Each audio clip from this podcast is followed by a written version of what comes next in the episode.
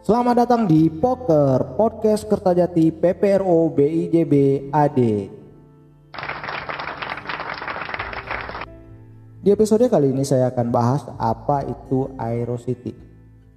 Dalam konsep Aerocity, bandara dirancang menjadi sebuah kota yang di dalamnya terdapat sejumlah kegiatan bisnis.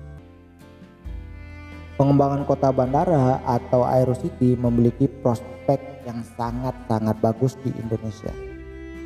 Pasalnya Indonesia merupakan negara kepulauan.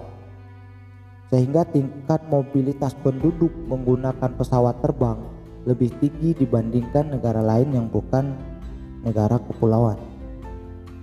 Di negara-negara maju, konsep Aerocity bukanlah hal yang baru, potensi Aerocity sendiri terletak di kota atau negara yang bandaranya cukup sibuk. Jadi para pembisnis yang harus melakukan pertemuan di kota lain dalam waktu relatif singkat atau beberapa hari saja menjadi faktor terbentuknya Aerocity. Mereka yang mengadakan pertemuan-pertemuan regional ini akan lebih terbentuk jika tidak perlu ke pusat kota dan hanya beraktivitas di bandara saja meeting dan beristirahat di hotel dekat bandara akan memudahkan pembisnis ini untuk bepergian ke daerah-daerah lainnya.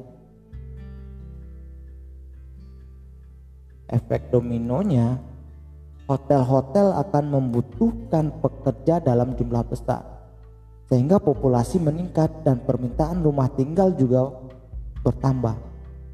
Belum lagi kebutuhan akan retail turut bertumbuh Hal ini yang menciptakan kawasan mandiri sendiri yang kemudian disebut dengan Aerocity. Pasalnya di kawasan ini didorong dengan adanya bandara internasional. Nah, salah satu konsep pembangunan Aerocity di Indonesia adalah di Bandara Internasional Jawa Barat Kertajati yang terletak di Kabupaten Majalengka, Jawa Barat. Pembangunan Kertajati Aerocity dibangun menjadi enam cluster yaitu Aerospace Park, Logistik Hub, Energy Center, Business Park 1, Creative Technology Center dan Presidential Township. Oke. Itu saja episode Aerocity hari ini. Terima kasih telah mendengarkan Poker Podcast Kertajati PPRO BIJBAD dan jangan lupa mampir ke situs web kita di www.pprobijbaerocity.com bye